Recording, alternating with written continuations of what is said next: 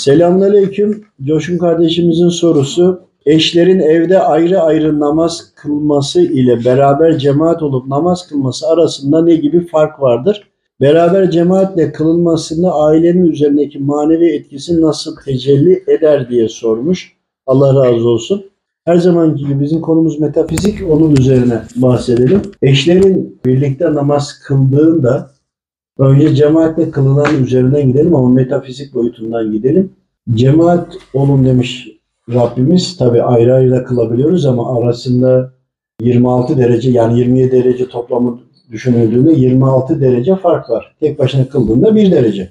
Ama cemaatle olduğunda 26 daha eklendiğinde 27. Şimdi metafizik gözüyle ne oluyor? İnsanlar bir arada olduğunda bütün dünya dertlerini, her şey, işini gücünü bırakmışlar. Aynı amaç için Allahu Teala'ya ibadet ediyorlar. Böyle olduklarında enerjiciler avro diyordu. Ama bizdeki maneviyatın nuru diyelim. Vücutlarına, tenlerine o kadar yapışır ki. Biz bir taraftan da melekler etrafını kuşatır ve onların üzerindeki şeytan da zorlar bu aradaki e, zırhı kırmak ve delmek için. İşte ruhsatlı olanlar olursa şeytan bir şekilde birinden dolayı içeri giderse hemen hemen birçoğunu da rahatsız etmeye çalışır. Burada ne oluyor? İşte cemaatle namaz kılındığında onların ruhları birbirlerine kardeşliğini pekiştiriyor.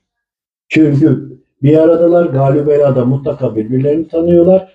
Velev ki orada ilk defa gördükleri bile olsa ruhlar da birbirleriyle tanışıyor Bak ruhlar da birbirleriyle tanışıyor tanımadıklarını orada ilk gördüğünde ve hep birlikte aynı noktaya yöneliyorlar. Yani Rabbimize doğru ve birlikli birlikteliğini melekler delillendiriyor. Bu ayrı ama ruhlar da birbirlerini tanıyorlar. Birbirlerinden güç ve destek alıyorlar. Tanımadıklarından bahsediyorum. Camide ilk defa gördüğünü. Birbirlerinden destek alaraktan da ruhlar rahatlıyor, birbirlerini yine tanımış oluyorlar ayrı. Bununla birlikte metafizik olarak da ruhların birbirlerine bir manyetik alan olarak birbirlerini desteklediklerini düşünün. Aynı zamanda namazda okunan ayetlerden bir çeşme olduğunu ve oradan o ruhların kana kana içtiğini düşünün. Bu dursun kenarda gelelim eve.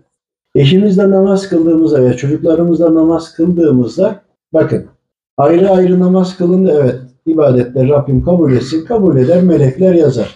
Ama birlikte cemaat olduğunda o aradaki 26 kat var ya o katı da bir kere yine almış olursun. Yani tek başına namaz kıldığında diyelim ki 27'de bir nasipleniyorsun o feyzinden, bereketinden.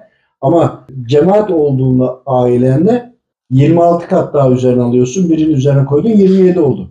Fakat ruhlar yan yana durduğunda velev ki sen evlisin ama eşinin ruhuyla ruhun yan yana gelemiyor. Kavgalar, gürültüler, birbirini istememezlikler, kırgınlıklar vesaire. İşte ruhlar yan yana durduğunda aynı az önce camide bahsettim ya orada da ruhlar birbirlerinden beste, besleniyor ve birbirlerinden destek alıyorlar. Birbirlerine destek alınca Eşin birisi arkada, birisi geride kalmış olmuyor. Aile içindeki en büyük problem bu. Birisi ibadete düşkün, hizmete düşkün. Diğeri düşkün değil. Ruh seviyeleri farklı oluyor. Yani cep telefonun şarjını düşünün. Biri %10 şarjda, biri %90 şarjda. Onun için işlemcisi de farklı oluyor zaman içerisinde. Cep telefonuna örnek verelim. İşte birlikte ibadet ettiğinde eşin olduğu için nikah ahdinizin daha canlı olduğunu düşünün. Nikah ahdi nedir? Nikah kıyılıyor, nikahı görmüyorsun. Bir bilinen bir bağ yok ki. Değil mi? Ama melekler görüyor.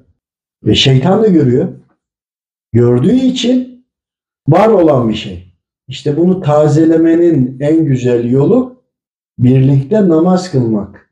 Bir de Allahu Teala'nın huzuruna gidiyorsun namaz kıldığında bütün din kardeşlerini birlikte omuz omuza vermişsin. Hep beraber ya Rabbi buyur biz geldik diyorsun. Tamam. Ama diğer türlü de çekirdek ailene, ailene ya Rabbi kendi sorumlu olduğum kullarınla birlikte biz geldik diyorsun. İsmini hatırlamıyorum ama bir Allah dostu dua ederken namazı kılıyorlar, dua edecekler. Eşi, eşi biraz öne gidiyor, kendi arkada kalıyor, dua ediyor, ediyor, ediyor, ediyor. Ondan sonra diyor ki Ya Rabbi bu emanetinin yüzü sürmetine diyor. Çünkü eşler, kadınlar erkeklere emanettir. O emaneti doğru sahip çıkmamız lazım. Bazen de o emanetin yüzü suyu hürmetine de Rabbimizden af istememiz lazım. İstemek gerekiyor yani. E eşim o çok günahkardı işte türbanı tam eksik, tam değildi, şu vardı bu vardı. Ya ona takılma. Sana hizmetin doğru yaptı yapmadı ona bakma onun da bir imtihanı var. Ama ve lakin o senin sorumluluğunda. Sen onun her ihtiyacını karşılamak mecburiyetindesin helal olan dairede. Ve günahı var ya da yok. O sana emanet ya. O emanetini öne it. Onun yüzü suyu hürmetine iste. Ona emanet ettiyse onu taşıyacak, götürecek, ona her imkanı sağlayabilecek desteği Rabbim sana veriyor. İşte eşini mübarek ön tarafa iterek yani gerisinde kalarak eşi hanımının dua ediyor. Bakın ne kadar önemli, çok ince bir detay. Ama burada ne oluyor? Nikah ahdi parıl parıl parlıyor. Kalplerde birbirine kırgınlık varken namaz esnasında en azından eşinin ruhuyla e, yan yana duruyorsun ya. Başka türlü bir yerde duramadığını düşün. Hep kavga gürültü düşün. Hatalı olduğumuzu da bilelim. Eşlerimizin hali bir de erkeklerin yansımasıdır. O da ayrı bir konu. Onu bir geniş anlatmak lazım. İşte bizim eşlerimizle, eşimizle namaz kılıyor olmamız ruhlarımızın bir yerde de eşitlenmesidir. Nikah ahdi birbirine bağlı olduğunu düşünün. Bir ondan ona, ondan ona gider. Ve mümkünse özellikle erkekler dışarıda hayır hasenet yapıyorsanız mutlaka ki anne, babanız, kardeşleriniz, eşiniz ve çocuklarınızla onların adına niyetlenerek yapın. Çünkü sizin gittiğiniz yere eşiniz gidemiyor. Sizdeki para özgürlüğü eşinizde yok. 100 lira fazla harcasa soracaksınız nerede diye. Bir soramıyoruz ama haliyle onun bir sınırı var. Sınır var ama siz de kendi adınıza yaptınız yaptınız. Manevi haliniz ilerledi. Eşinizin de ruh hali, manevi hali aşağıda kaldı. O zaman eşini beğenmeyeceksin. Kıymetini bilmeyeceksin ya da o seninkini bilmeyecek. Çünkü aynı değerde değilsin. Bir olaya karşı bakış açınız farklı olur. Bir yere bir hayır hasenat yapacaksınız. Eşiniz hayır diyebilir. Niye? Seninle aynı seviyede değil ki. Sen erkeksin. Para özgürlüğüyle birlikte dışarıda her türlü hayır hasenatı yapıyorsun. Eve geliyorsun. Hiçbir şeyden bahsetmiyorsun. Tamam. Tamam da kardeşim. Eşini senin seviyenin ruh halini bir araya getirmeye çalış. Mümkün olduğu kadar bir arada tut. Bunun da en önemli olaylarından bir tanesi namaz. En önemlisi. Namazda eşinle birlikte çık. Allah dostu var. 70-80 yaşlarında yine ismi unuttum. Ee, artık hani ruhunu teslim edecek bekar ve diyor ki ya beni nikahlayın. Ya diyorlar sen nereye nikahlayalım ya yaşın hani bakın çok önemli altını çiziyorum. Rabbimin huzuruna nikahsız çıkmak istemiyor. Hadi alın bunun üzerine bir düşünün. Onun için şimdi insanlar evlenmeli bir, evlenmiyorlar.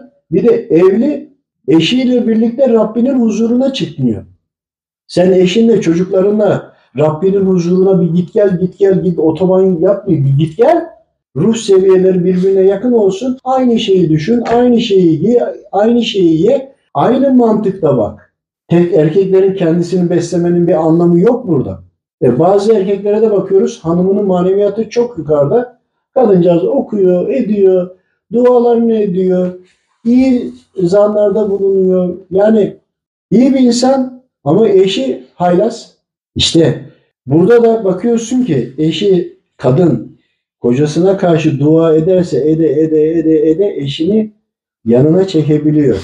Kendi aşağı inmesin de çekebiliyor. Yani burada demek istediğim şu var ama asıl erkeklerde problem. Erkekler bunu yapmıyor. Kendileri hayır hizmete, hayır hasenete devam ederken ya bir de bunu eşinizle, çoluk çocuğunuzla paylaşın. Paylaşınca bu eksilmiyor. Özür diliyorum. Hani e, eksilmiyor ya. Rabbim daha da bereketlendiriyor. Haliyle bir de bu hayır hasenatta böyleyken Rabbimin huzuruna girerken yalnız gitme. Hani nikahsız ölmeyen zat gibi. Senin nikahlın var, eşin var. Sen haberi tek gidip gidip geliyorsun. Ya melekler buna şahit. yan yana durduğunda, aynı şeyde durduğunda oradaki manevi havadan, o maneviyattan et, etkilerin beraber alır ki eşitlenmeye çalışın. Ondan sonra geçim sıkıntısı oldu, bereketsizlik oldu, anlaşamıyoruz, şu oldu, bu oldu vesaire vesaire.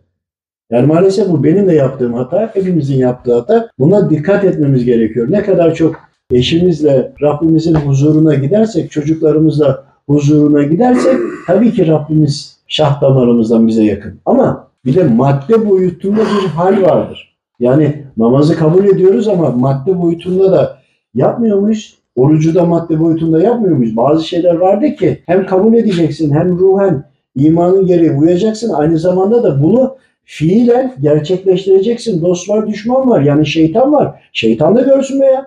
Onun için biz ne yapıp ne yapmayacağımızı bilmiyoruz. Buna çok dikkat edelim. Bu lütfen eşlerinizle birlikte namaz kılın. Allah razı Allah olsun. razı olsun. Rabbim doğru anlamayı nasip eylesin. Amin.